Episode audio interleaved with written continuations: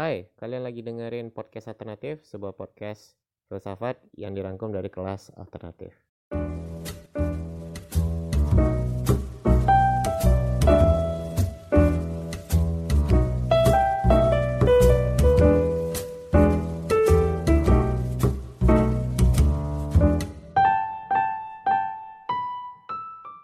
Halo, Assalamualaikum warahmatullahi wabarakatuh. Selamat pagi, salam sejahtera bagi kita semua. Alhamdulillahirrabbilalamin. Allahumma sholli ala Muhammad wa ala Muhammad. Selamat datang kembali di Arena Alternatif, portal humaniora dan seni pertama di Indonesia. Dan seperti biasa, setiap bulannya ini kelas filsafat kita, yakni kelas alternatif edisi 12. Ya udah tahun baru ya, karena edisi terakhir kemarin Desember 2020 dan sekarang udah 2021. Oh ya, bulan depan Arena mau ulang tahun. Gue masih mikir-mikir tentang apa sih event atau giveaway yang pengen gue kasih ke teman-teman atau kita adakan bersama. Kalau ada ide nanti tolong di komen ya di bawah. Nah, berhubung ini adalah lanjutan dari kelas filsafat timur kemarin yang sebuah pengantar, gue pengen ngasih landasannya dulu yakni Taoisme. Jadi Taoisme ini sebuah filosofi Cina atau ya kita nyebutnya Tiongkok ya karena Cina itu mulai digeser penggunaannya oleh Pak SBY karena dianggap humiliating atau merendahkan lah. Nah, mungkin nanti gue akan pakai kedua-duanya, Tiongkok atau Cina. Jangan dianggap merendahkan ya, karena mungkin gue kurang terbiasa memakai Tiongkok gitu. Jadi kalau nanti ketukar-tukar atau mungkin keduanya kepake, teman-teman diharapkan memakluminya. Yang akan kita gali dari Taoisme edisi 12 ini adalah gimana sih cara kita hidup dengan slow aja, ngalir aja, dan juga nggak terlalu cemas gitu. Karena fenomena anak muda sekarang banyak yang mengalami social anxiety ya, atau kecemasan yang berlebih gitu. Dan biasanya gue memperhatikan atau menganalisa problemnya ada pada pikiran kita sendiri, yakni terlalu banyak pikiran, ya kan? Atau biasanya kita sebut overthinking gitu. Nah, di edisi kali ini kita akan menyoal tentang gimana sih hidup slow kayak gue bilang tadi, dan juga mengurangi kebiasaan kita yang overthinking. Dan apa sih landasan yang bisa dikasih Taoisme untuk mewujudkan tujuan itu? Oke, kita next ya.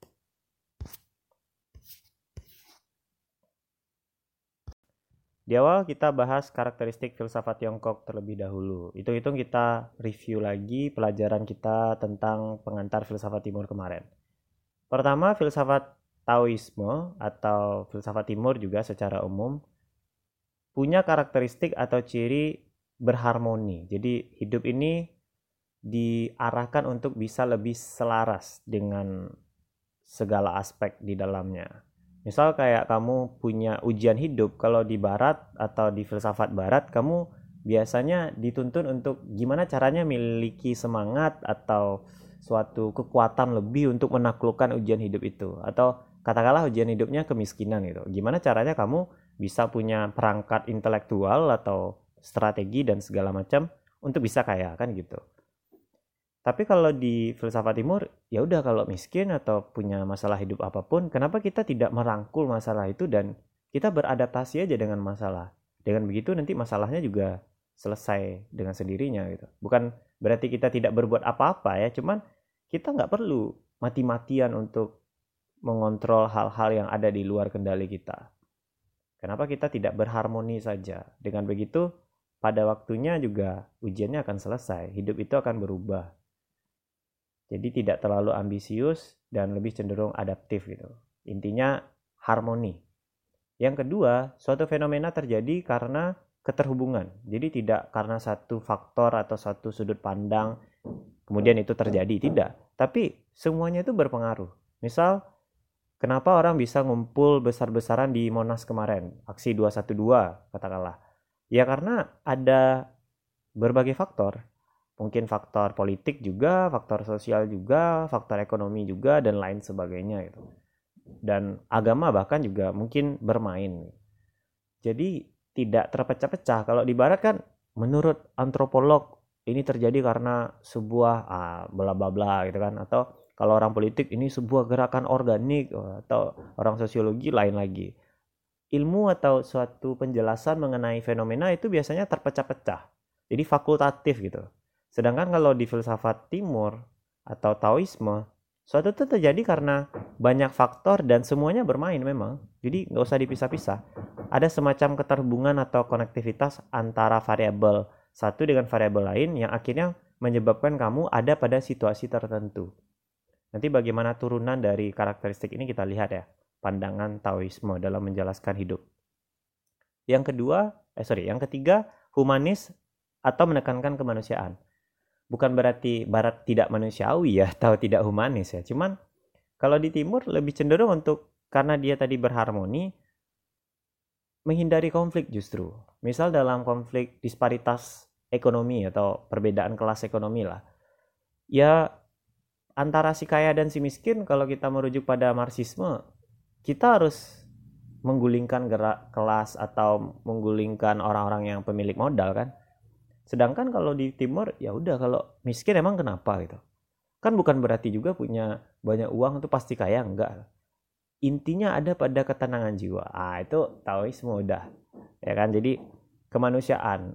Bagaimana kita tidak berkonflik dengan orang lain dan ya tadi berharmoni justru. Yang keempat pragmatis. Nah, ini ciri khas dari timur juga. Kalau barat itu ada istilah science for science atau ilmu itu cukup untuk ilmu itu sendiri. Terserahlah apakah kamu dapat ilmu itu nanti bisa diterapkan atau tidak. Kayak kita di sekolah SMA itu loh. Kamu belajar macam-macam kan nggak mesti semua kamu terapin. Ya tapi ya udah sekedar tahu ilmu itu juga bagus gitu. Itu barat banget. Sedangkan kalau di timur kamu mempelajari sesuatu itu kamu harus tahu nih sesuatu atau filsafat yang kamu pelajari gunanya buat kamu apa? Terus setelah kamu paham prakteknya gimana? Langkah apa sih yang bakal kamu lakukan setelah kamu memahami itu? Jadi tidak science for science tidak ilmu untuk ilmu enggak gitu. Tapi ilmu harus ada konkret outcome-nya atau luaran konkretnya apa dalam tindakan kita. Jadi pragmatis. Jadi pragmatis di sini tidak dalam artian masyarakat sekarang ya kayak kamu pragmatis berarti kamu tidak punya prinsip bukan itu. Tapi pragmatis artinya kita harus tahu harus berbuat apa setelah kita paham suatu pikiran. Nah, itu dia karakteristik dari filsafat timur secara keseluruhan dan juga pastinya Taoisme. Next. Membicarakan sejarah filsafat Taoisme tentu tidak bisa dilepaskan dari sejarah Tiongkok karena memang filsafat ini muncul dan berkembang di Tiongkok ya. Dan Tiongkok sendiri itu dimulai pada tahun 1600 sebelum Masehi atau abad 16 sebelum Masehi dan mereka punya periode zaman keemasan mulai dari tahun 1600 sampai 1912. Pada saat itu Tiongkok belum jadi negara republik kayak sekarang. Hanya saja mereka punya dinasti atau mungkin bahasa kita kerajaan ya. Hanya saja di Cina mereka menyebutnya dinasti dan dinasti ini punya 10 dinasti atau 10 periode. Mulai dari zamannya dinasti Shang sampai dinasti Qing.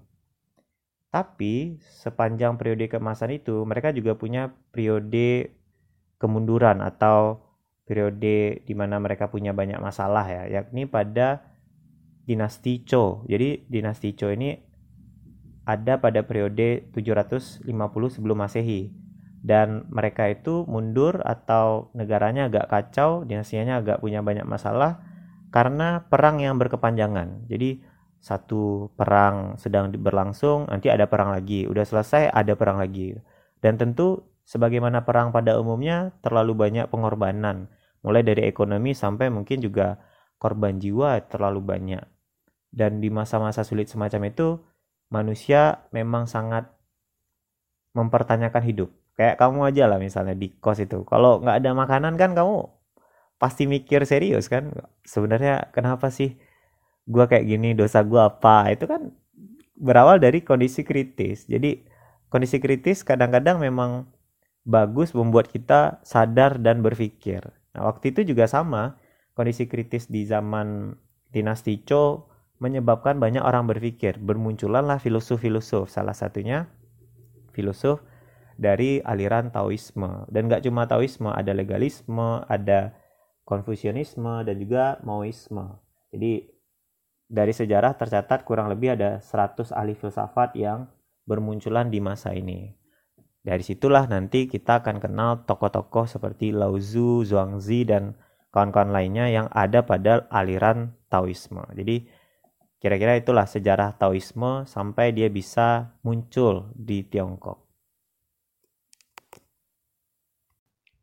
Sekarang kita masuk ke filsafat Taoisme. Jadi ada banyak tokoh ya di filsafat Taoisme ini, sama seperti aliran filsafat lain, termasuk juga di Barat, banyak kontributornya, banyak orang yang mengembangkannya. Bahkan sekarang orang masih ngembangin Tao dalam modernisme atau misal kayak kamu lihat buku misalnya Tao of Business atau Tao of apa gitu kan. Itu juga ekstraksi pemikiran filsuf Taoisme ke konteks sekarang atau konteks zaman ini.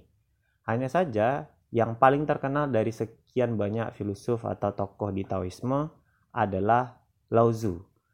Atau ada juga yang menyebutnya Lauzi atau apalah itu kan ejaan masing-masing aja ya. Tapi orangnya adalah Lauzu itu.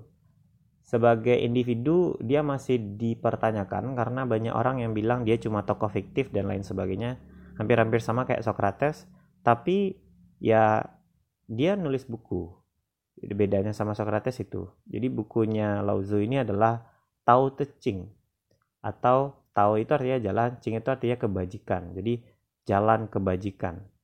Jadi Lao Tzu ini menurut catatan sejarah ya walaupun masih diragukan dia adalah seorang pegawai pemerintah. Tapi kemudian karena zaman yang berkecamuk tadi perang berkepanjangan nggak siap siap itu kan nggak selesai-selesai perangnya jadi dia stres dan akhirnya mengasingkan diri karena dia terlalu banyak melihat kejahatan dan ketidaktatanan daerah Tiongkok atau Cina saat itu. Nah kemudian dia pergi ke Tibet untuk mengasingkan diri tadi. Di Tibet nanti dia akan dikenal sebagai Mahaguru, Dewa, atau tokoh legenda lah. Tokoh bijak. Kalau di Islam mungkin semacam wali itu. Nah, tapi yang unik dari Tao Te Ching yang dia tulis adalah bagi Lao Tzu justru Tao atau jalan yang dia sarankan sebagai filosofi itu tidak bisa didefinisikan. Jadi Tao yang bisa didefinisikan sebenarnya bukan Tao. Kan kemarin kan itu yang kita bahas di filsafat timur. Jadi Tao yang bisa didefinisikan bukanlah Tao yang sejati. Terus kalau nggak bisa didefinisikan, gimana dong? Tadi kan karakteristiknya harus pragmatis, harus tahu apa yang harus kita kerjakan setelah kita paham. Loh, kita memahami aja sulit karena dia tidak bisa didefinisikan. Nah, katanya Lozu, walaupun tidak bisa didefinisikan, dia bisa digambarkan dengan simbol-simbol. Dan setelah kamu memahami simbol-simbol ini atau gambaran abstraknya tadi, ya kamu akan bisa menerapkannya. Jadi Taoisme itu nggak usah didefinisikan secara rigid kayak di Barat gitu. Misalnya revolusi adalah ah, nggak usah kayak gitu. Cukup kamu paham aja simbol-simbol revolusi terus kamu jalani, kamu praktekkan atau kamu alami langsung. Nah tapi kan pertanyaannya simbol-simbol apa sih yang dimaksud sama Lao Tzu ini terus prakteknya kayak apa dan apa yang harus kita lakukan. Mari kita cek. Nah, karena tahu tidak bisa didefinisikan, berarti tahu bisa didekati dengan sebuah simbol-simbol tertentu. Simbol pertama yang harus teman-teman pahami ketika teman-teman ingin menerapkan Taoisme dalam hidup teman-teman adalah air. Jiwanya ada di sini. Jadi, bagi Taoisme, tempuhlah jalan seperti air. Air itu apa sih? Air itu zat yang nggak pernah menolak ke mana dia mengalir itu. Dia nggak pernah tiba-tiba punya keinginan ah gue mengalir ke kiri aja deh padahal dia harusnya lurus. Dia juga nggak pernah menolak untuk pergi dari tempat yang tinggi ke tempat yang rendah. Pokoknya dia ikuti aja alurnya. Itu air. Padahal ya air itu kalau dipikir-pikir dia kuat loh. Dia bisa bikin banjir dia bisa bikin tsunami dia bisa bikin macam-macam kan. Tapi dia selalu menunggu momennya. Nggak setiap hari kan dia tiba-tiba bikin banjir. Wah bikin banjir hari ini gitu. Atau tsunami tiap bulan ya. Dia nggak kayak gitu. Nggak punya target. Pokoknya dia menunggu momennya. Saatnya tsunami dia tsunami aja. Saatnya banjir ya banjir aja. Dan dia selalu mengaliri setiap tumbuhan setiap makhluk yang membutuhkannya. Jadi dia nggak pernah melawan arusnya. Dia selalu memberikan kehidupan bagi orang lain bagi makhluk lain. Dan dia punya momennya sendiri. Dan dia nggak pernah tiba-tiba menjadi apa ya yang ber tolak belakang dari apa yang harusnya dia lakukan. Kalau mengalir dari tempat tinggi ke tempat yang rendah, ya dia akan mengalir aja. Dan juga air itu tidak pernah punya istilah air yang cemar, nggak ada. Air yang kotor sejatinya tuh nggak ada. Yang ada adalah air yang terkotori atau tercemar. Dengan kata lain, ya air itu sendiri pada dasarnya baik gitu. Pada dasarnya nggak ada yang tidak suci atau tidak bersih. Tapi yang dari luar dirinya lah yang mengotorinya atau membuat dia tidak baik gitu. Misalnya pencemaran dan lain sebagainya. Nah, apa sih yang bisa kita petik dari poin pertama ini? Sebagai makhluk yang ingin menjadi orang yang lebih baik, harusnya kita belajar dari air, katanya orang tahu. Kenapa? Karena air itu nggak pernah melawan arus. Maksudnya dia nggak pernah menentang takdirnya. Kalau kamu punya bakat semacam membaca, terus kamu juga hobi menulis apa yang kamu baca, itu berarti bakat kamu menulis. Kamu bisa jadi penulis, kamu bisa jadi dosen, kamu bisa jadi akademisi, researcher, dan lain sebagainya. Jangan pernah kemudian tiba-tiba bermimpi kamu jadi atlet MFA itu. Walaupun kamu ngelihat itu keren banget. Atau yang paling sering terjadi kamu bermimpi jadi musisi indie atau penyanyi misalnya. Lo kamu nggak punya dalam tanda petik arus ke arah situ. Kamu nggak punya aliran yang mencerminkan kamu ada potensi demikian. Kamu hanya melihat orang lain yang melakukan itu yang mungkin punya dalam tanda kutip takdir atau arus air semacam itu keren, tapi bukan berarti kamu harus kayak gitu. Jadi jangan berambisi sesuatu yang di luar diri kamu itu maksudnya. Jangan berpikiran hal-hal yang kamu inginkan, tapi berpikirlah hal-hal yang kamu harus lakukan itu loh. Karena jadilah seperti air, mengalir di mana kamu harusnya mengalir. Yang kedua, kamu harus percaya bahwa sebagai air, kamu tuh punya momennya sendiri. Kayak air tadi bisa bikin banjir, tsunami, dan bla bla segala macam. Nunggu aja momennya. Kamu bisa jadi orang besar, kamu bisa jadi sesuatu yang wow. Kalau kamu bersabar menunggu momen kamu itu. Gak keburu-buru. Gak mendesak, gak harus sekarang. Banyak kan orang kayak gitu. Nah, yang ketiga, ketika air mengalir, dia selalu memberikan kehidupan bagi yang lain. Nah, ini intinya kamu jangan lupa menjadi bermanfaat air itu bermanfaat loh. Gak ada yang tidak memerlukan air di dunia ini. Nah, kamu juga harus jadi air ini. Dan juga yang terakhir, air itu gak pernah tercemar. Sorry, gak pernah cemar. Dia hanya bisa tercemar.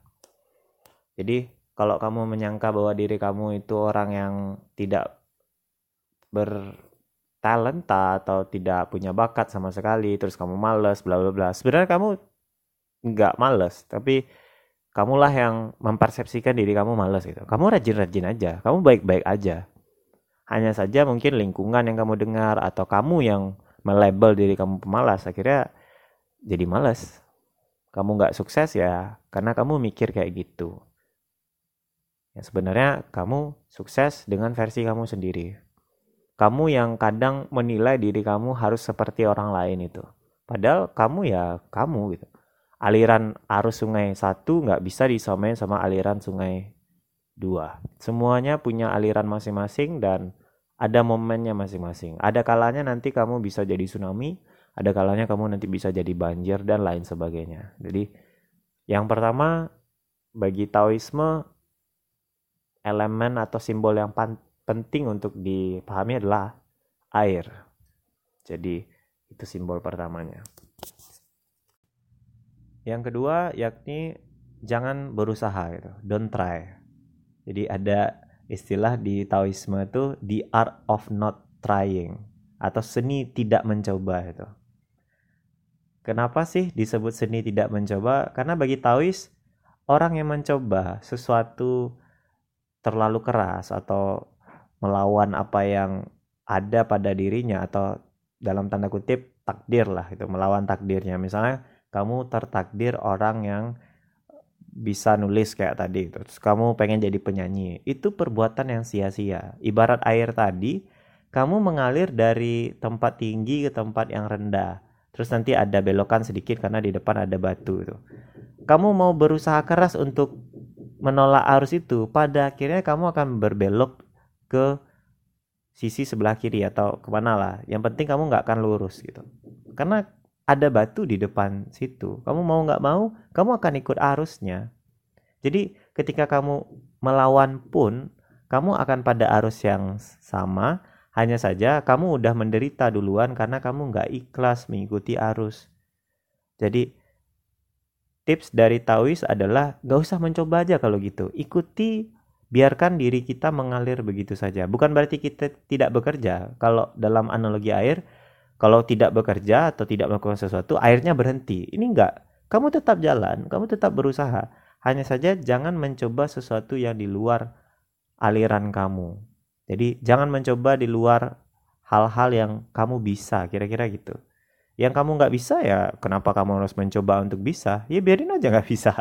Itu seni untuk tidak mencoba bagi orang Taois mencoba sesuatu yang kita nggak bisa itu konyol.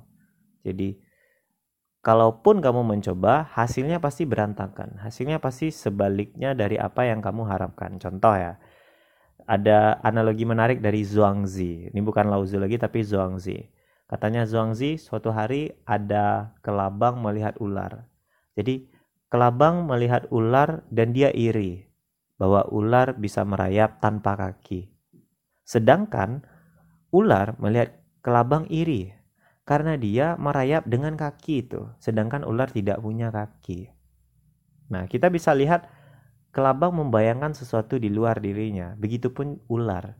Kedua-duanya pada akhirnya tidak punya kaki ataupun punya kaki, sebagaimana keadaannya di awal itu.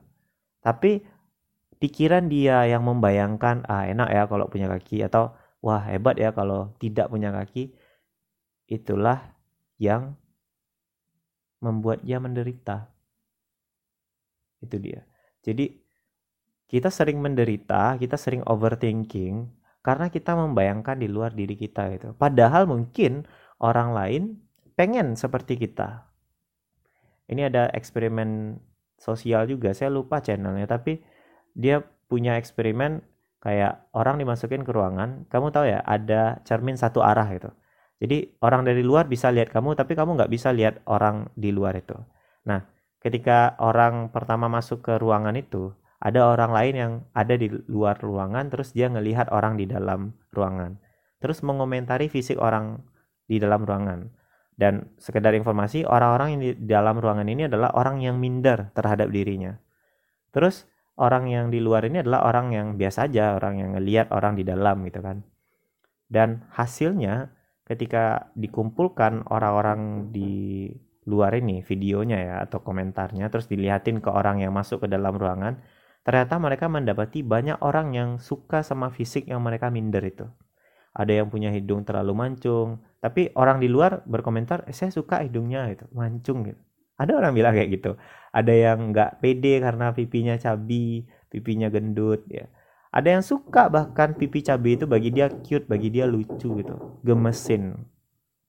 Nah, jangan-jangan selama ini kita overthinking karena kita membayangkan di luar diri kita.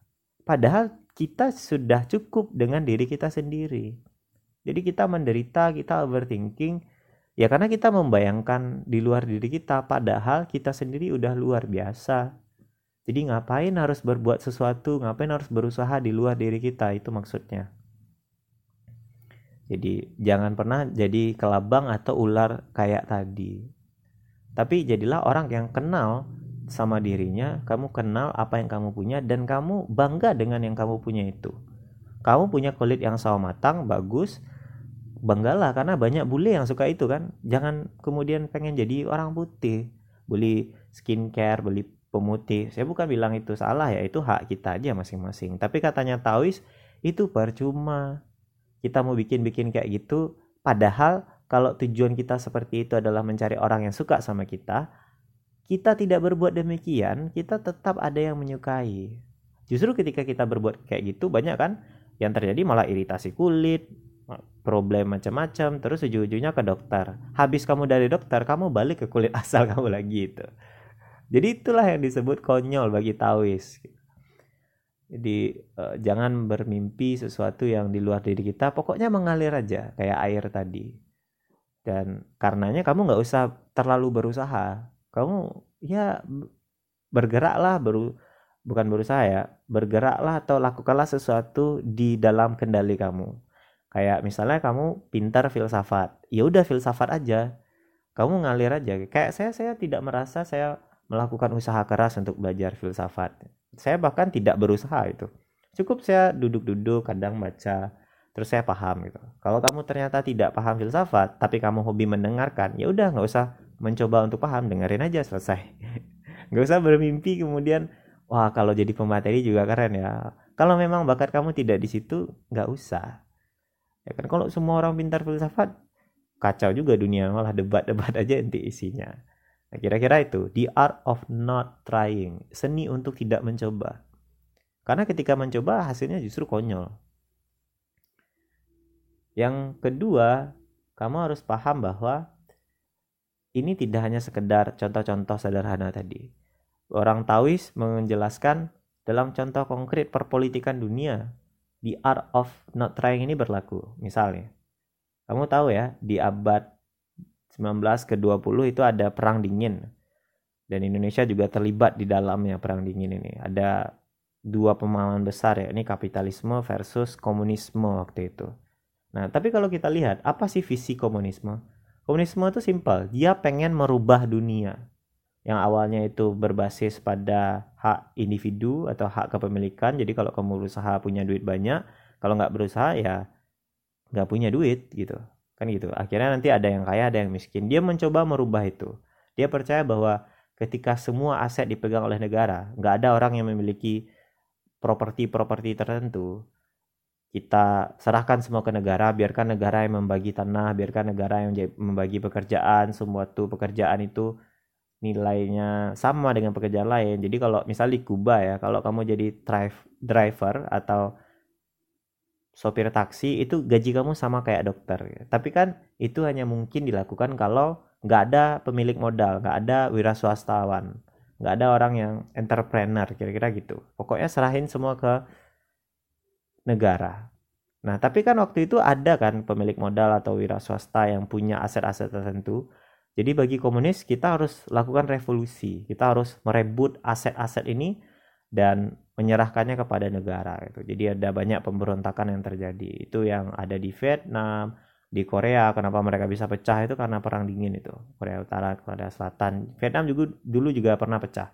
Vietnam Utara, Vietnam Selatan. Indonesia juga pernah ya, ada pembantaian banyak-banyak itu juga karena perang dingin atau di Kuba misalnya Kuba itu bagian dari Amerika Latin uh, di Amerika dulu ya teman dia pisah karena ada revolusi juga ada doktrin komunisme terus mereka pecah gitu dan banyak lagi kayak di Tunisia juga pemberontakan dan lain sebagainya itu terjadi gitu bukan berarti kita tidak boleh melawan penindasan ya lawan ya lawan aja cuman nggak usah berambisi untuk melawan itu. Ini agak sulit ya memang menjelaskannya. Cuman sama seperti air tadi, kalaupun penindasan itu menuntut suatu revolusi, suatu perlawanan, kita akan melawan di saat momennya datang kayak air tadi.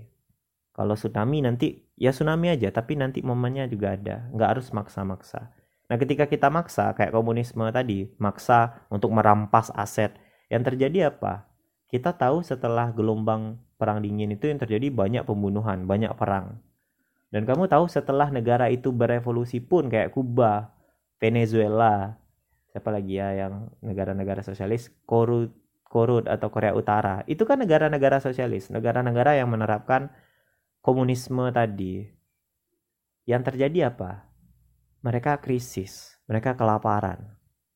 Padahal cita-cita komunis tadi adalah bikin orang hidupnya sejahtera dan tidak timpang satu sama lain gitu. Nah, karena sistem ekonomi itu tidak bisa bertahan, ya gini aja deh. Kamu jadi driver taksi versus kamu jadi dokter, kamu pengen yang mana?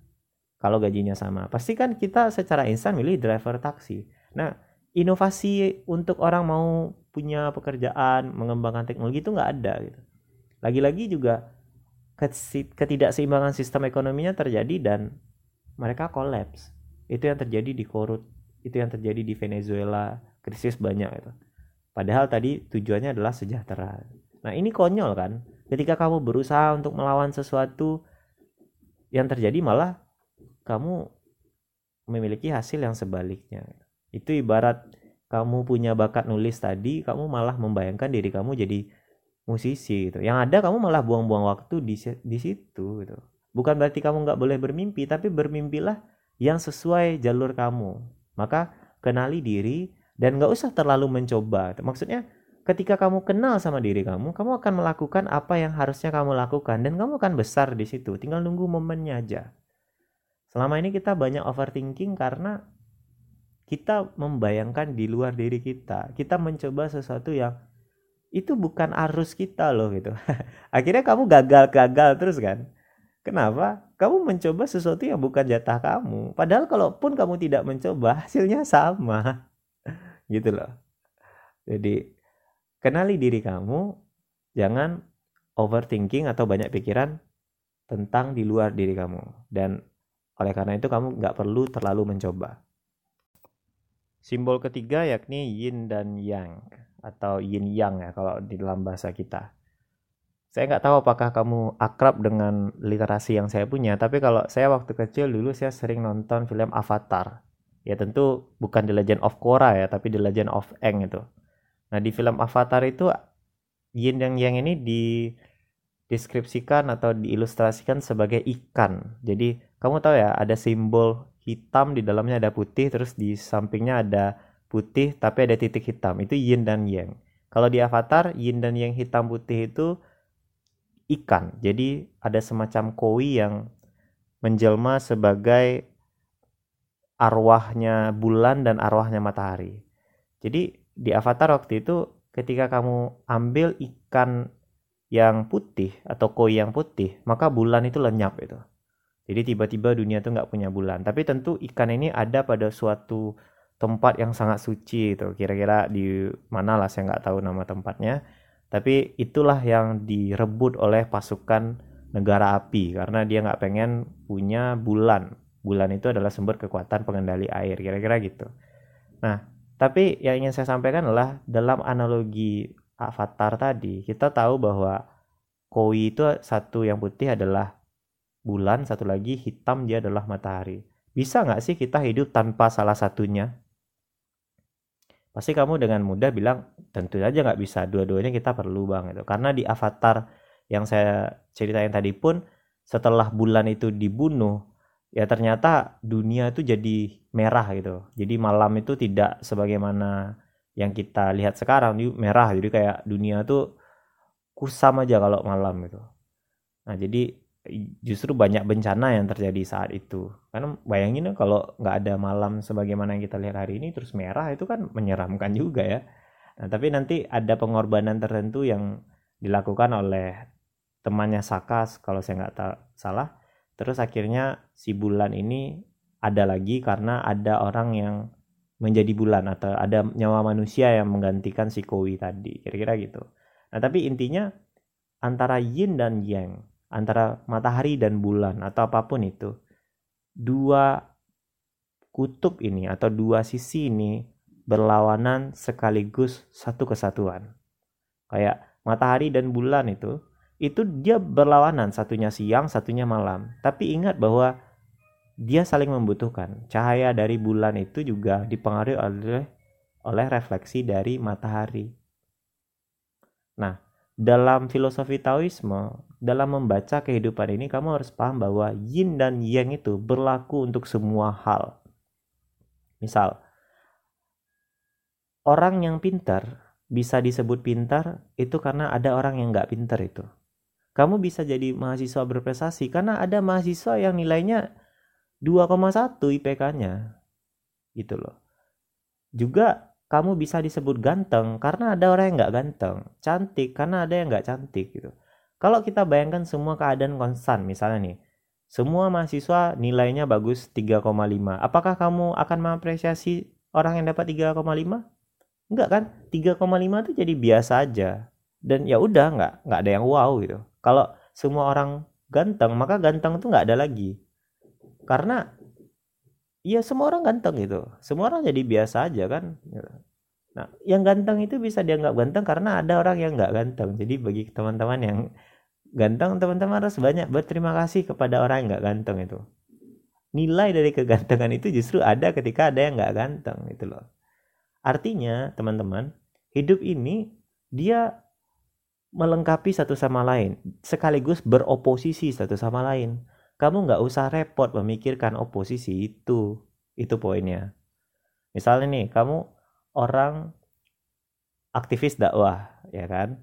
Kamu kan pengen kan orang religius, orang aktif, orang ya mencintai Allah lah gitu kamu nggak suka orang pergi ke diskotik bla bla tapi ingat bahwa ya dunia tuh melengkapi satu sama lain kalau nggak ada orang yang yang jahat orang baik itu nggak ada nilainya. Itu kasar ya kalau kita ngomong ya.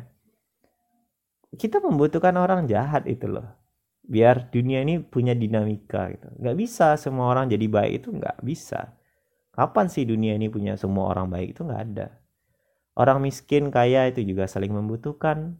Gak mungkin semua orang jadi pemimpin. Gak mungkin semua orang jadi orang kaya. Siapa yang mau jadi cleaning service misalnya siapa yang mau jadi uh, apa ya jadi uh, pelayan kafe kalau nggak kalau semua orang pengen jadi bos gitu.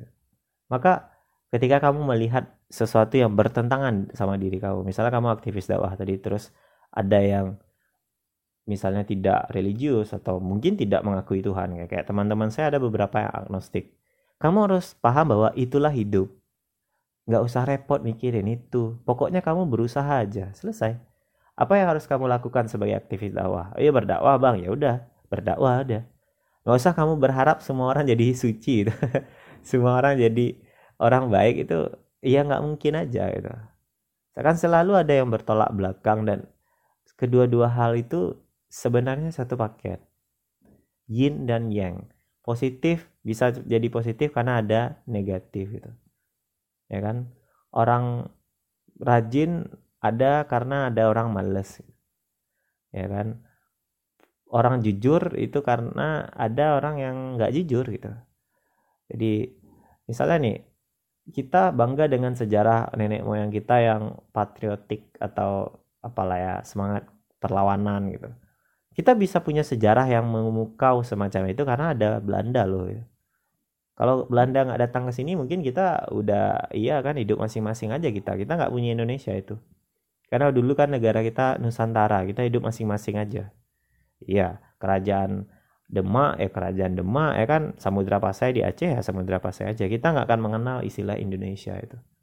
Jadi nggak perlu menyesali sesuatu yang mungkin kita nggak suka. Kenapa ya? Karena itulah hidup akan selalu ada yang nggak suka. Jadi kamu nggak usah habis-habisin waktu, bang kok dia jahat sama aku bang, dia komentari aku, dia ngebully aku, ya itulah hidup itu dia. Nggak usah overthinking pada orang yang nggak suka sama kamu, orang yang jahat sama kamu. Ketika kamu melihat hidup secara utuh, kamu akan melihat nggak ada yang benar-benar bagus, juga nggak ada yang benar-benar jelek. Haters itu diperlukan untuk motivasi bahkan orang yang supporter atau orang yang suka sama kamu juga diperlukan untuk membuat kamu nyaman gitu. Tanpa dua-duanya itu gak ada artinya. Semua orang support sama kamu mungkin kamu lalai. Semua orang benci sama kamu mungkin kamu stres. Dua-duanya sama-sama diperlukan. Oke ya, next. Yang keempat yakni gue. Gue ini Iya sama kayak tadi ya, hampir mirip tapi titik tekannya beda. Way artinya ngalir aja atau nggak ngapa-ngapain atau melakukan aksi dengan non aksi. Cara terbaik untuk melakukan sesuatu adalah dengan tidak melakukan sesuatu atau ya kayak tadi lah ya the art of not trying itu tapi Hue ini lebih teknis dia dia menjelaskan tentang step-step dari tidak melakukan sesuatu itu pertama yang harus kamu lakukan adalah menerima. Menerima keadaan kamu sekarang dan berdamai dengan apa yang kamu punya itu. Bang saya nggak punya mobil. Bang saya nggak punya privilege. Bang saya nggak punya. Ya udah terima aja. Pun kalau kamu nggak terima tetap sama ya nggak punya itu jadi gue artinya mengalir dan ya udah meng mengalir aja gitu. Gak usah beranggapan bermimpi sesuatu yang di luar aliran kamu. Jadi terima aja. Yang kedua berhenti mencoba. Ketika kamu udah capek bikin pacar kamu berubah ke arah yang lebih baik misalnya. Kamu kan orang kayak gitu. Atau kamu udah capek berusaha udah nggak nggak laku-laku berhentilah mencoba. Dalam artian kamu istirahat dikit deh. Karena mungkin aja yang kamu lakukan saat itu adalah kamu melawan arus cobalah untuk tidak mencoba sejenak. Yang ketiga tetap percaya bahwa segala sesuatu akan ada momennya kayak air tadi. Akan ada nanti saatnya ketika kamu menekuni diri kamu sendiri ada pada aliran yang tepat atau arus yang tepat, kamu akan jadi tsunami, kamu akan jadi banjir atau sesuatu yang besar dari versi diri kamu. Tapi tentu saja kamu harus melakukan sesuatu yang udah kamu kenali. Makanya tadi simbol kedua adalah kenali diri kamu, kenali jalan kamu. Nah, W ini menjelaskan lebih spesifik. Pertama, setelah kamu kenal, kamu menerima diri kamu. Yang kedua, berhenti mencoba di luar diri itu. Dan yang ketiga adalah Tetap percaya bahwa kamu akan mengalir dan menjadi tsunami pada momennya, pada saatnya. Tapi bukan berarti kamu tidak ngapa-ngapain ya, tapi kamu berlaku atau berbuat sesuatu yang harusnya kamu lakukan. Jadi, coba lihat ke dalam diri kamu potensi apa yang kamu punya dan kerjakan itu. Jadi, W merupakan perwujudan dari suatu perbuatan yang murni, lembut, sederhana dan efektif. Jadi kamu jangan kayak apa ya, kayak kaca. Kaca kan kalau kalau kita pegang itu kan keras, ya kan? Rigid dia, kaku. Tapi begitu dia berhadapan dengan benda yang keras, dia pecah. Kamu jadilah kayak di awal tadi air. Dia lembut, dia sederhana aja gitu. Kayak nggak kayak kaca. Dia ya udah cair aja tapi begitu dia cair, dia bisa menyesuaikan dirinya pada wadahnya. Yang harus kamu lakukan yaitu tadi, menyesuaikan diri pada keadaan kamu. Kalau kamu sekarang tidak punya barang-barang mewah, cobalah mencari kesenangan dengan barang-barang yang tidak mewah. Misal nih, orang-orang kaya itu susah buat tidur malam dengan nyenyak karena dia punya banyak pikiran itu. Nah, kamu letakkan kebahagiaan kamu pada tidur yang nyenyak gitu. Misalnya oh iya ya enak juga ya nggak punya jabatan nggak punya duit banyak itu ternyata saya bisa tidur nyenyak itu orang-orang yang kaya itu belum tentu hidupnya nyenyak kira-kira W itu kayak gitu menerima kemudian kalau ada sesuatu yang gagal berhentilah mencoba tapi tetap percaya bahwa kamu harus berusaha dan pada akhirnya pada momennya kamu akan menjadi sesuatu. Oleh sebab itu manusia harus mengenali batas-batas yang dia punya. Jangan keluar dari batas-batas itu. Kalau enggak nanti kamu melakukan hal-hal konyol. Dan juga menjalani hidup itu tanpa ketegangan yang berlebihan. Ya santai aja. Nggak usah berambisi gitu. Jadi kalau UW ini sama kayak mari kita berambisi untuk tidak berambisi jadi ambisi kamu adalah justru adalah tidak berambisi nah itu dia jadi ya lakukan aja apa yang harus kamu lakukan gitu. Karena kalau kita fokus untuk mengendalikan hal-hal di luar diri kita, kita pasti akan overthinking. Jadi hidup yang slow artinya adalah hidup yang menerima apa yang kita punya. Dalam tanda kurung ya bersyukur aja. Itu dia. Kalau kita sibuk mengendalikan hal-hal di masa depan, memikirkan yang di luar batas-batas kita tadi, justru kita akan mengorban, sorry, mengorbankan masa kini. Ya kan, kamu kan bakal pusing kan, mikirin apakah besok saya dapat kerja, apakah saya besok udah punya anak, dapat jodoh apa enggak, itu aja terus dalam pikiran kita. Yang ada adalah kamu nggak bahagia sekarang. pertanyaannya simple mau nggak sih orang lain menikahi orang yang nggak bahagia sekarang gimana cara kamu bikin dia bahagia kalau kita atau kamu sendiri aja nggak bahagia. Pasti aura yang keluar dari diri kita tuh nggak nggak cerah gitu. Kayak kita aja ngerengut ya kan tiap hari ngeluh di sosmed gitu. Apa masa depan yang dilihat dari kamu oleh orang lain itu kan nggak ada. Coba kalau kamu fresh aja itu kan bahagia aja nggak punya pacar nggak apa-apa tunggu aja nanti momennya kan gitu. Nah di situ nanti pasti ada orang yang tertarik sama kamu karena aura kamu positif. Ini berawal dari penerimaan dan berhenti mencoba di luar kuasa kita tadi. Jadi cara hidup slow itu adalah hidup di sini dan sekarang. Begitu kamu mengorbankan yang sekarang kamu fokus ke masa depan. Masa depan juga nggak akan dapet ya kan? Banyak orang tuh di kuliah gitu kan. Mati-matian kerja bikin tugas begadang bla bla bla bla. Itu kan demi masa depan yang ada adalah pola hidup kamu pas kuliah justru nggak sehat. Setelah kamu di masa depan setelah kamu dapat kerja yang kamu lakukan apa? Ngabisin duit gaji untuk berobat.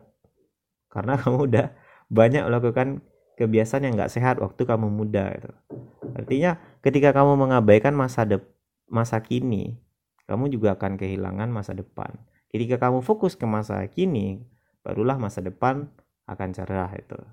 Jadi, kamu sering kali bikin repot diri kamu sendiri karena mikirin hal yang di luar masa kini. Udah pikirin aja yang sekarang. Itu katanya Buwe, katanya orang-orang Taois. Jadi, lakukan yang bisa dilakukan saat itu tidak perlu ada ambisi, lakukan saja dengan mengalir. Ketika kita mengalir, niscaya tidak ada beban sedikit pun dan hasilnya justru terbaik.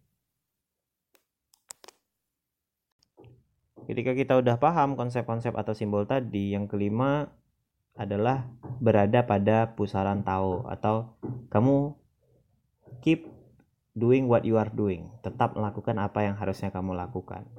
Kamu harus mengambil jarak dari realitas kayak kamu lihat Instagram itu kan banyak kan orang bikin insecure itu.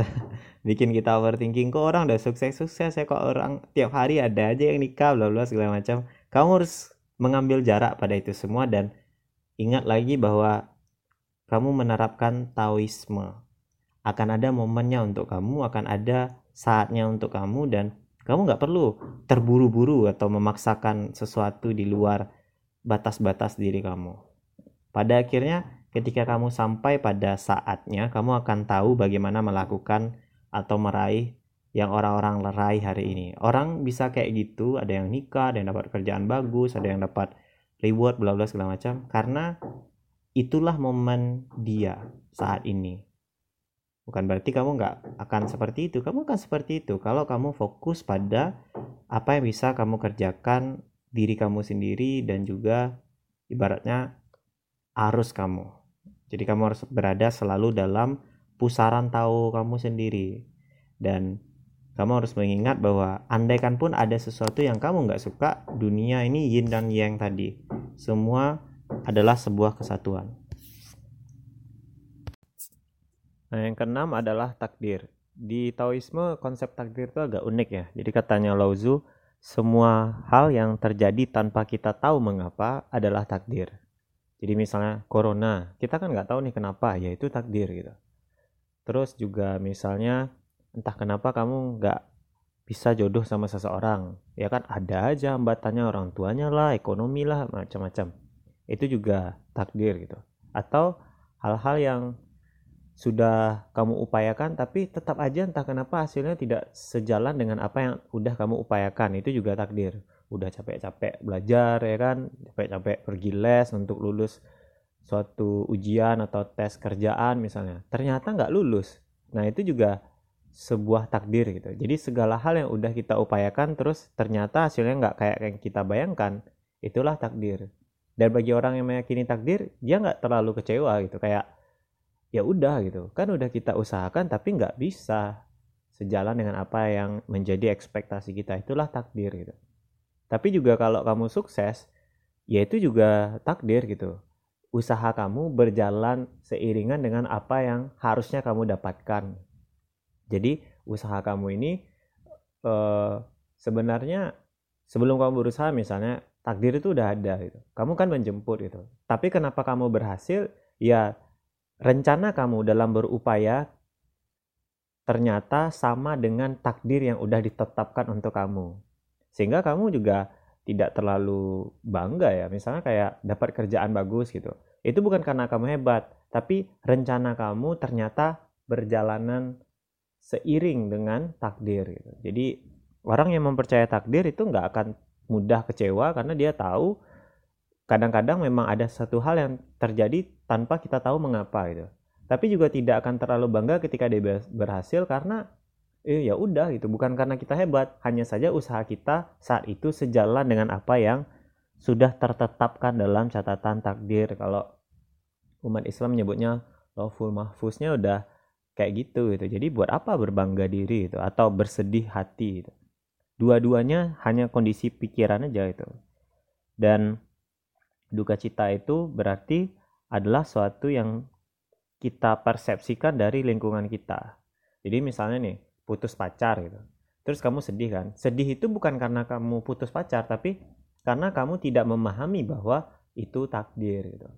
Jadi kamu kan membayangkannya harusnya kamu nggak putus gitu gara-gara bayangan kamu itulah kamu tersiksa Ya, jadi semuanya tuh udah ada hukumnya, udah ada apanya, udah ada alurnya gitu. Kamu hanya perlu mengalir kayak tadi gitu. Kamu tuh tersiksa ketika kamu tahulah kamu air tapi kamu malah menerobos apa yang tidak menjadi jalur kamu. Ujung-ujungnya kamu akan tetap mengalir sebagaimana jalur kamu, tapi kamu tersiksa karena kamu nggak ikhlas, karena kamu tidak merelakan jalur kamu semacam itu. Ya kan? Saya dulu pernah mikir untuk kuliah di Jawa itu tapi orang tua saya nggak bolehin. Tapi ya udah gue aja kan tidak melakukan apa-apa jalani aja. Ternyata hari ini saya mensyukuri kenapa saya masuk di Universitas Andalas di Padang itu bukan di Jawa. Karena experience-nya ternyata berbeda ya. Jadi segala hal yang saya butuhkan justru adanya di Unan karena saya punya banyak kesempatan untuk pergi keluar kota lewat jalur kompetisi itu karena saya kuliah di UNAN gitu. Kalau di UI misalnya saya kuliah atau di saya dulu pilihan saya Undip ya, belum tentu saya dapat privilege semacam itu. Karena persaingan mungkin untuk menjadi delegasi lebih ketat misalnya atau bisa aja di situ saya males ya kan ketemu orang yang bisa bikin saya jatuh cinta atau apa gitu. Nah, itu menjadi hal yang perlu kita renungi gitu. Segala hal yang kita dapat itu adalah takdir dan sering kali kita menyangka itu buruk padahal itulah yang terbaik gitu.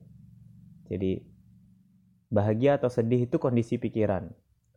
Takdir itu apa yang udah ditetapkan gitu. Jadi kamu sedih atau senang itu pilihan kamu, tapi takdir adalah sesuatu yang dipilihkan untuk kamu. Jadi tinggal kamu memilih aja nih, kamu menerima yang ditetapkan untuk kamu dengan sukarela, terus kamu senang, atau kamu tidak menerimanya dan kamu sedih gitu. Tapi ujung-ujungnya sama kayak takdir itu tadi, kamu akan tetap ada di situ.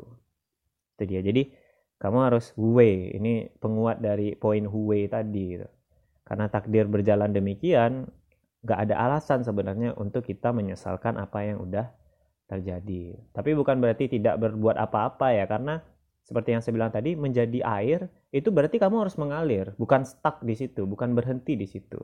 Hanya saja jangan mengalir ke tempat yang tidak seharusnya. Selanjutnya yakni kebajikan. Jadi bagi orang Taois untuk bisa bahagia kamu harus berbuat baik. Karena berbuat baik atau menerapkan kebajikan dalam hidup merupakan perfect happiness atau kebahagiaan yang sempurna. Tanpa kebajikan kamu nggak bisa menikmati hidup. Karena Wei, Yin Yang, bla bla bla segala macam tadi di awal itu adalah alat untuk kita memahami hidup agar kita tidak capek mikir karena kebanyakan atau overthinking. Nah, tapi bagaimana setelah kita memahami hidup tadi, kita bahagia di dalamnya? Bagi orang Taois, kita harus melakukan kebajikan. Ini mirip-mirip kayak Socrates ya, karena kalau Socrates bilang orang yang pintar itu pasti baik. Kalau ada orang pintar nggak berbuat baik itu orang bodoh. Misalnya kamu pintar perpajakan, terus kamu korupsi. Itu kan kamu pintar kan, tapi sebenarnya kamu bodoh. Kenapa? Karena kamu korupsi, kamu tidak berbuat baik.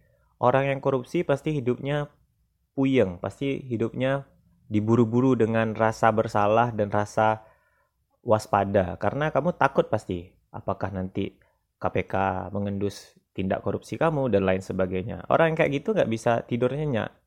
Ya kan? Orang kayak gitu nggak bisa hidup nyaman. Hanya orang bodoh lah yang memilih jalan seperti itu. Kira-kira gitu. Nah, kebalikannya kalau kamu berbuat baik, pasti kamu menjadi bahagia. Kenapa? Ya, simply tanpa dijelaskan pun saya rasa kita semua mengerti ya. Cobalah kamu ambil uang kamu terus ambil uh, uang tersebut salurkan ke yang membutuhkan begitu mereka bilang makasih, kamu kan ada sensasi dalam diri kamu atau emosi kamu, kamu menjadi orang yang berguna misalnya. Kamu jadi orang yang selalu punya manfaat bagi orang lain. Itu kamu enak hidup kamu atau hidup kamu bahagia. Nah, tapi yang unik dalam filsafat Taoisme adalah dia menjelaskan elemen kebajikan itu. Jadi nggak asal berbuat baik aja. Kamu harus berbuat baik sesuai dengan prinsip Taoismenya yakni ada tiga ya. Pertama, mengusahakan sesuatu yang ada pada diri kamu atau to go. Tadi kan udah kita jelaskan kan, gimana caranya berbuat sesuatu tanpa berbuat sesuatu. Nah sama, ketika kamu ingin melakukan kebajikan, elemennya harus berangkat dari wei tadi atau aksi dengan non aksi. Misal gini, kamu adalah orang yang ahli berpikir. Maka kamu bisa jadi filosof, kamu bisa jadi dosen, kamu bisa jadi peneliti dan lain sebagainya. Jangan bermimpi kamu tuh kayak mengusahakan sesuatu yang di luar diri kamu, kayak kamu jadi petarung MMA misalnya, atau kamu jadi uh, apa ya tentara misalnya, orang yang di depan lini, jangan kayak gitu. Karena lakukan saja atau usahakan saja yang menjadi dharma kamu. Yang kedua jujur. Kayak ketika kamu menjalankan dharma kamu jangan berbuat aneh-aneh. Misalnya kamu di pemerintahan, jangan korupsi, jangan bohongi rakyat dengan membeli suara, nggak gitu caranya. Kamu pasti nggak bahagia kamu kalau kamu nggak jujur. Contohnya kayak Socrates tadi. Yang ketiga yakni kasih sayang. Kasih sayang tuh gini. Kalau kamu mencintai orang lain, sebenarnya yang terkasihi adalah kamu sendiri. Kenapa? Karena pikiran kamu atau perhatian kamu kan tersita oleh orang tersebut dan kamu merasa bahagia. Misal kayak kamu punya pacar, kamu kan mengasihi dia kan. Kamu beliin dia makanan, kamu beliin dia souvenir, kado dan lain sebagainya. Kamu kan enak. Karena kamu merasa kamu mengungkapkan perasaan kamu itu. Beda kalau kamu membenci orang lain. Kalau kamu membenci orang lain, kamu tetap kepikiran dia, tapi efeknya kan kamu gedek. Kamu kan kesel kalau ada orang itu. Maka untuk bisa bahagia, kamu usahakan terus-menerus untuk mengasihi orang lain, bahkan yang tidak menyukai kamu, kasih aja. Begitu kamu benci, ya rugi pasti kamu. Kamu habis energi, habis waktu, kamu kepoin, terus sosmed dia, padahal dia nggak mikirin kamu itu loh. Beda kalau kamu kasih sayang kepada orang lain, anggaplah orang lain itu tidak mikirin kamu juga. Tapi kan kamu menghabiskan waktu kamu sambil senyum-senyum lihat WA atau lihat apa gitu. Ya kan? Segala hal yang terkaitan dengan dia pasti kamu bahagia. Nah, itu perbedaannya ketika kamu membenci versus kasih sayang. Maka untuk bahagia kamu perlu menyayangi orang lain atau menyayangi yang di sekitar kamu. Yang terkasih itu ketika kamu menyayangi orang adalah kamu sendiri Kemudian selanjutnya yakni prinsip hidup menurut Taoisme. Ada tujuh ya setidaknya. Pertama yakni kesederhanaan atau simplicity. Makin sederhana konsepnya, makin mudah menggapainya. Dengan kata lain, kalau hidup kamu simple, maka kamu lebih mudah bahagia. Contoh ya, kalau standar kamu adalah handphone Android 2 jutaan, RAM 4 GB, kos yang 500 ribu, terus juga katakanlah pacar yang biasa aja gitu. itu kan menggapainya mudah sehingga nggak perlu juga ribet-ribet dalam hidup. Tapi kalau standarnya harus iPhone apartemen teman-teman yang hedon silakanlah kamu kerja keras habis-habisan itu. Ya kan? Makanya banyak kutipan yang nyebutin hidup kita itu simple tapi kita yang bikin ribetnya. Jadi katanya Taoisme ya simplicity. Jangan bikin ribet. Yang kedua, pedulian kepedulian, sorry, kepada sesama. Ini gampang ya lihatnya. Coba bandingkan pola hidup masyarakat barat yang individualistis versus masyarakat timur yang lebih kolektif. Di barat mereka punya uang, mereka punya ekonomi yang bagus, sewa apartemen mewah-mewah ya kan, rumah yang eksklusif. Tapi kadang-kadang mereka nggak kenal sama tetangga depan, belakang, kiri, kanan. Apakah mereka ada dalam komunitas yang memasukkan mereka dalam pola hidup itu gitu?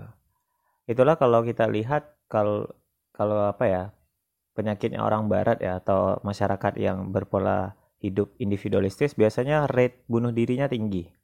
Karena begitu dapat suatu masalah biasanya dia sendirian termarginalisasi tertepikan oleh komunitasnya. Nanti ah nggak ada harapan lagi bunuh diri gitu. Di Jepang juga tinggi rate bunuh dirinya. Karena begitu mereka gagal mereka tidak merasa ada orang yang peduli sama mereka itu jadi mereka merasa hidup mereka nggak ada harapan lagi gitu. Karena di awal udah individualistis, jadi hidup sangat berburu-buru dengan deadline atau target dan lain sebagainya. Jadi jangan lupa peduli sama sesama atau sensitivity. Yang ketiga, keluasan dalam menyikapi persoalan hidup. Nah, ini ada cerita unik waktu saya kuliah di kampus kalau di FISIP itu orang-orang punya ideologinya masing-masing. Biasanya kan ada geng-geng tertentu ya. Kalau orang yang liberal itu biasanya mereka duduknya di kafe-kafe yang agak mewah kalau di kampus. Jadi mereka biasanya ngumpul di suatu UKM yang internasional. Nah, itu kan ngomong pakai bahasa Inggris, terus gaya hidup lebih modern, ya kan sangat hedon juga dalam beberapa hal. Misalnya ngumpul atau rapat itu mereka ngumpulnya di McD di kafe-kafe terkenal lah gitu. Katakanlah Excelso dan kawan-kawannya. Sedangkan kalau teman-teman dengan ideologi kiri orang-orang sosialis itu biasanya nongkrongnya di kedai kopi yang pinggiran. Atau kalau di kampus itu ada di apa ya di emperan-emperan di gazebo. Nah, mereka ngumpulnya di situ gitu. Dengan gaya hidup yang ya biasanya ala-ala anak kos lah, nggak glamour, nggak luxurious dia. Jadi sederhana, biasa pakai kaos, ada yang pakai sendal bahkan. Saya pikir di beberapa universitas memang ada pola kayak gitu gitu.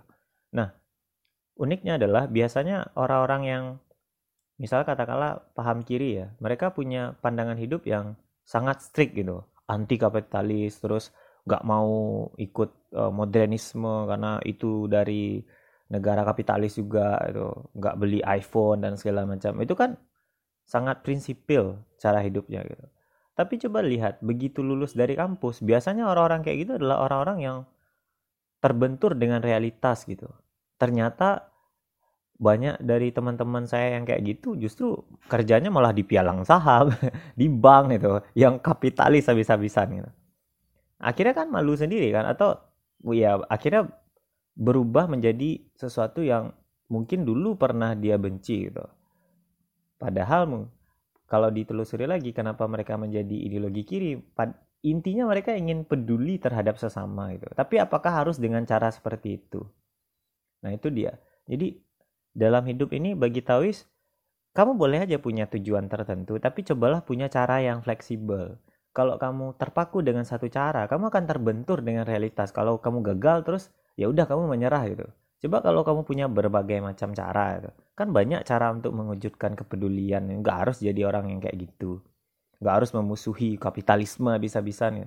Kenapa kamu tidak memodifikasi misalnya atau kamu menyikapinya dengan sikap-sikap yang lebih intermediate atau yang menengah gitu.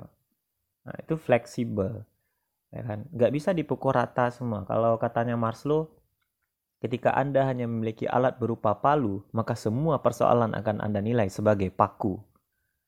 Kalau kamu cuma ngelihat segala sesuatu dari satu perspektif aja terus satu perspektif itu jadi ideologi kamu gitu. nanti ada persoalan-persoalan hidup yang tidak terjelaskan oleh perspektif itu. Akhirnya kamu bingung gitu. Akhirnya kamu terdampar. Nggak punya peralatan lain.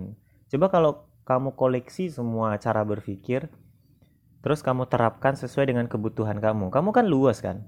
Ibaratnya bahasanya Bung Hatta itu mendayung di antara dua karang itu. Karena kamu selalu bijak dalam mengambil cara berpikir, keputusan atau alat analisis saat berhadapan dengan masalah gitu. Jadi ganti masalah, ganti cara berpikir, ganti alatnya. Itu fleksibel. Gitu. Tujuannya mungkin sama gitu, tapi cara untuk sampai ke situ harus fleksibel, harus beda-beda, harus banyak peralatannya. Yang keempat, ketergantungan. Eh sorry, ketidaktergantungan. Jadi lawannya dependence ya. Yakni kamu bukan berarti nggak butuh orang lain, butuh aja, tapi tidak tergantung. Ibaratnya gini, kamu lebih enjoy ngerjain tugas bareng-bareng sama teman kamu. Tapi andai kan nggak ada teman kamu satupun, kamu tetap bisa ngerjain tugas. Nah itu dia. Jadi perlu orang lain boleh aja gitu, tapi jangan sampai tergantung. Sama kayak CEO atau bos atau founder lah, so founder sebuah bisnis gitu. Iya dia butuh staff marketing, dia butuh staff promosi, dia butuh customer service, tim dan lain sebagainya gitu. Tapi semua itu dia bisa sebenarnya. Hanya saja dia butuh orang lain. Jadi ketika ada satu yang bermasalah, dia bisa handle. Kenapa? Dia tidak tergantung gitu. Atau andaikan pun dia harus delegasiin itu, dia bisa cari orang lain. Andai si A nggak bisa atau dia mengundurkan diri, cari orang lain. Jadi kita butuh dia tapi kita tidak tergantung.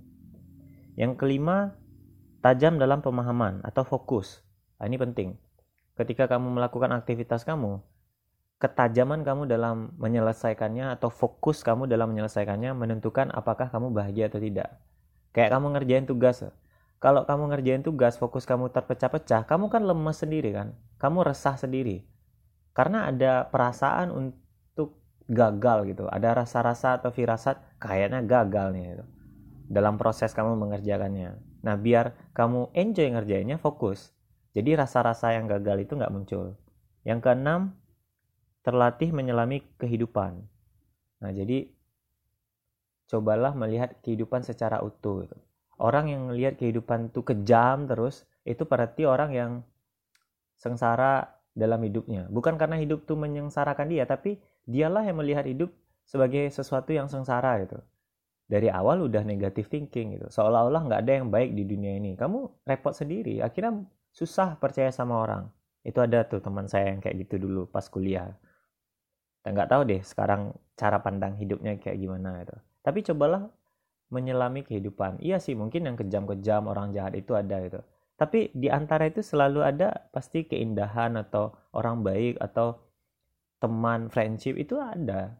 Walaupun nggak semua kayak gitu. Kalau kata Mikasa di Attack on Titan itu hidup ini kejam dan sangat indah. Itu kan dua hal yang paradoks kan. Tapi ya itulah hidup itu kita sangat menjunjung tinggi perdamaian tapi entah di mana di sudut dunia yang lain selalu ada orang yang berperang. Itulah hidup. Dari dulu emang kayak gitu. Jadi coba selami dengan lebih bijak.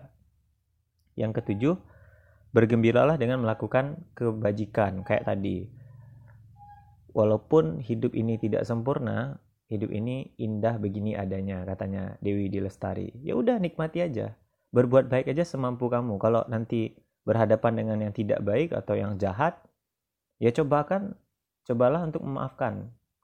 Ya udah gitu aja. Dengan gitu hidup jadi simpel, jadi mengalir katanya Taois. Nah, terakhir kita summarize atau kita simpulkan apa sih yang bisa kita pelajari secara umum dari Taoisme. Kita ambil tiga pelajaran penting dari air ya. Karena tadi air sebagai analogi atau nyawanya Taoisme itu ada pada perumpamaannya terhadap air. Pertama, kerendah hatian atau humility. Jadi kita lihat ya, sifat air itu kan dari tempat yang tinggi ke tempat yang rendah. Ya. Kenapa kita tidak menjalani hidup sebagaimana air mengalir dari tempat tinggi ke tempat yang rendah dalam hal kerendah hatian? Jadi kalau ketemu-ketemu orang, kenapa kamu tidak berani untuk mengatakan, oh itu saya nggak tahu, bisa saya belajar lebih lanjut, atau bisa nggak kamu ngajarin saya gitu, atau coba ceritain ke saya atau apalah gitu. Karena hari ini kan banyak orang yang sok tahu kan, komentari inilah, komentari itulah, kadang background pendidikannya apa, yang dia komentari apa. Kenapa kita tidak berani untuk rendah hati itu? Untuk mengatakan bahwa kita nggak tahu, terus tolonglah ajarin saya itu atau can you tell me about that gitu. coba kamu ceritain karena begitu kamu rendah hati kan orang seneng lihat kamu. Nah, di situ nanti kamu akan banyak dapat pelajaran. Kayak kamu nanya kan, oh coba jelasin ke saya itu.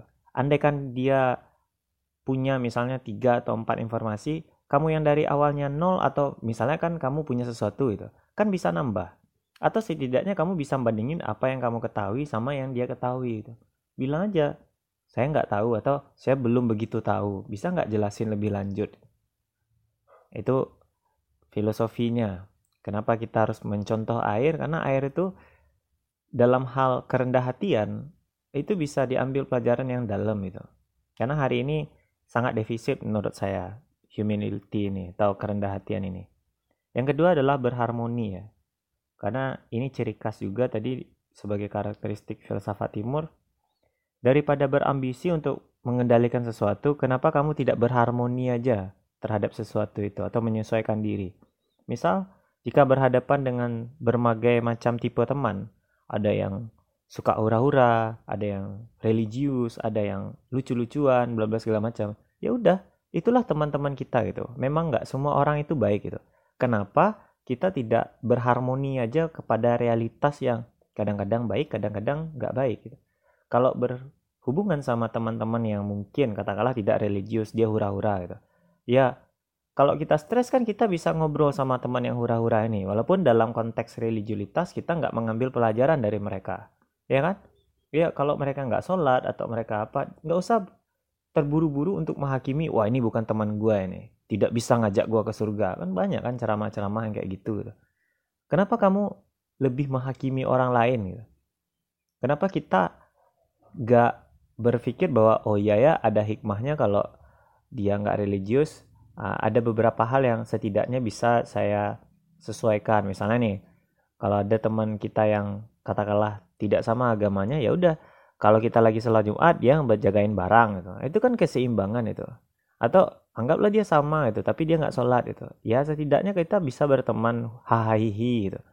Kenapa harus disisihkan? Jadi berharmoni aja nggak usah berambisi untuk merubah orang gitu. Ya nggak ada orang yang bisa berubah kalau memang tidak berubah gitu. Jadi menyesuaikan diri itu penting. Cukup nikmati aja apa yang bisa dinikmati sesuai dengan proporsinya misalnya kayak teman hura-hura tadi oh ini asik kalau saya ajak ketawa-ketawa gitu tapi nanti untuk sisi spiritualitas saya main sama yang ini untuk yang organisasi itu kan aktivis ah, saya ngambil pelajaran dari si ini itu udah berharmoni aja jadi semuanya dirangkul, semuanya diterima sebagai eh, realitas gitu. Nggak ada sesuatu yang ideal banget tuh nggak ada gitu. Semua orang punya sisi-sisinya masing-masing. Terus yang ketiga, openness atau keterbukaan. Air itu kan terbuka terhadap kemungkinan apa pun. Kamu taruh dia di botol, dia mau menyesuaikan dirinya di wadah botol itu. Kamu taruh dia di uh, katakanlah mangkuk, ya kan? Kamu beli pangsit atau bakso, dia menyesuaikan diri juga. Tapi dan dia tidak pernah menutup diri kalau dicampur sama yang lain itu dia selalu aja misalnya campur pakai sirup ya udah jadi sirup itu pakai kari ayam jadi kuah gitu. Jadi terbuka aja. Tapi bagaimanapun dia tetap loh jadi air gitu. Misalnya dia campur sama sirup itu kan jadinya air sirup. Atau dia campur sama kari dia jadinya kuah kari. Kuah artinya juga cair ya kan? Jadi terbukalah pada semua perspektif agar kita lebih fleksibel dan jangan pernah kehilangan diri kita juga. Jadi kamu punya ciri khas kamu, kamu punya karakter kamu, tapi kamu nggak menutup diri terhadap kemungkinan-kemungkinan selain dari diri kamu atau karakter kamu itu. Jadi ya udah terbuka aja gitu. Saya selalu bilang berpendapat atau beropini itu hak tapi menghakimi atau menilai orang lain itu urusannya bukan hak lagi, itu urusannya moralitas. Jadi misalnya nih, kamu religius, kamu anti sama LGBT, ya anti aja gitu. Tapi jangan menyangka bahwa wah oh, ini ahli, ahli neraka ini kamu cap dia kayak itu nggak usah. Itu bukan wilayah kita gitu.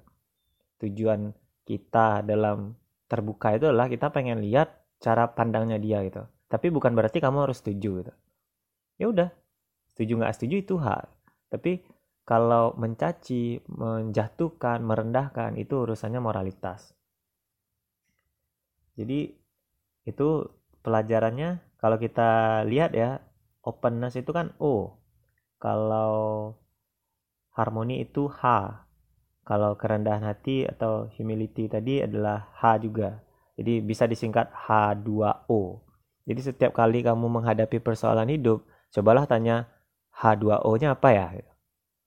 apakah saya harus rendah hati di saat sekarang ini atau saya harus terbuka atau bagaimana cara saya berharmoni dan lain sebagainya. Jadi setiap kali kita mengalami kebingungan, ingatlah filosofi atau pelajaran dari air tadi.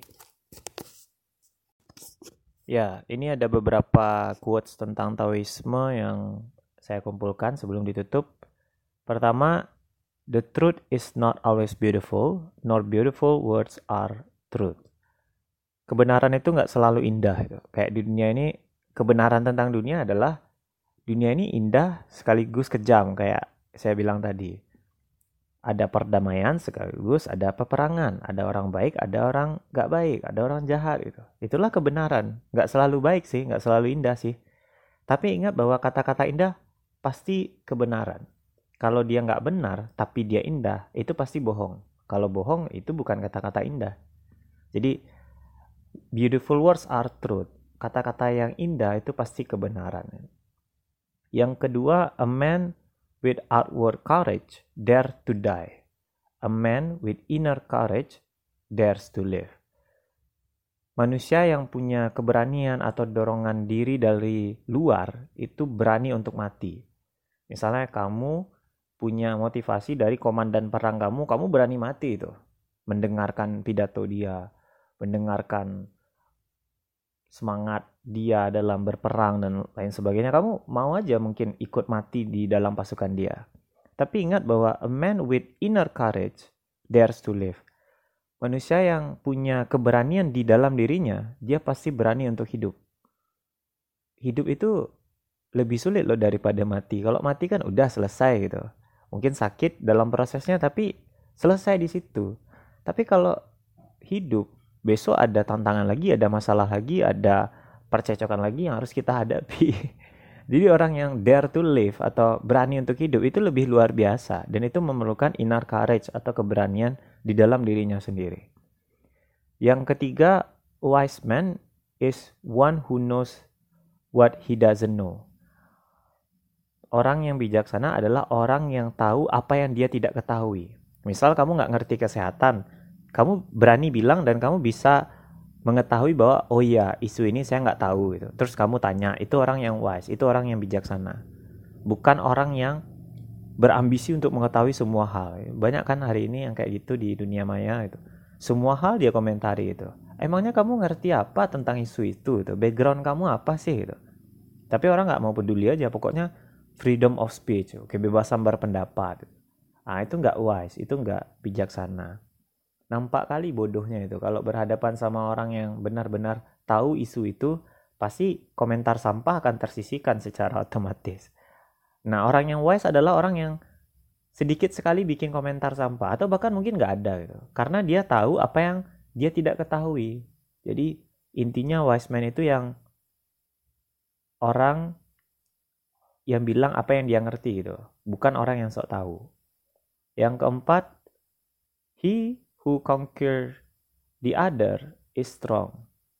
He who conquer himself is mighty. Orang yang bisa menguasai orang lain itu kuat. Tapi orang yang bisa menguasai dirinya sendiri itu lebih kuat atau lebih berkuasa. Nah, jadi banyak pemimpin-pemimpin perang yang bisa menguasai orang lain, katakanlah Hitler itu. Tapi dia sendiri juga nggak bisa menguasai dirinya. Jadi waktu dia berhadapan sama Rusia, Hitler itu punya ambisi untuk menaklukkan Rusia sebelum Natal. Padahal waktu itu kan mau musim salju ya, winter ya. Tapi karena dia berambisi, dia tetap aja ngirim orang ke Stalingrad untuk mengepung Rusia. Ternyata Rusia lebih sigap atau lebih siap dalam menghadapi medan salju. Akhirnya puluhan ribu pasukan Hitler meninggal di Stalingrad itu. Atau dalam uh, dalam peperangan melawan Rusia itu. Dan itu adalah kekalahan pertamanya Jerman dalam uh, rezim fasisme yang kemudian nanti menyusul-menyusul kekalahan lain akhirnya Hitler terpojok dan dia mati bunuh diri di bunkernya gitu. Karena dia nggak bisa menguasai ambisinya itu. Coba kalau dia bisa menguasai ambisinya, pasti dia bikin taktik yang lebih strategis. Jadi orang yang menguasai dirinya sendiri, yang bisa ngelola emosinya, tidak mengikuti kayak babi buta semacam itu, adalah orang yang lebih berkuasa sebenarnya. Kalau menguasai orang lain itu biasa. Itu kuat sih, tapi yang lebih kuat adalah menguasai diri sendiri. Nah, itu dia kelas Taoisme edisi 12 kita hari ini. Jika ada pertanyaan, silahkan sebelum kita masuk ke quiz giveaway. Lebih dan kurang saya mohon maaf. Saya ucapkan alhamdulillahirabbil alamin. Wabillahi taufik wal hidayah. Assalamualaikum warahmatullahi wabarakatuh.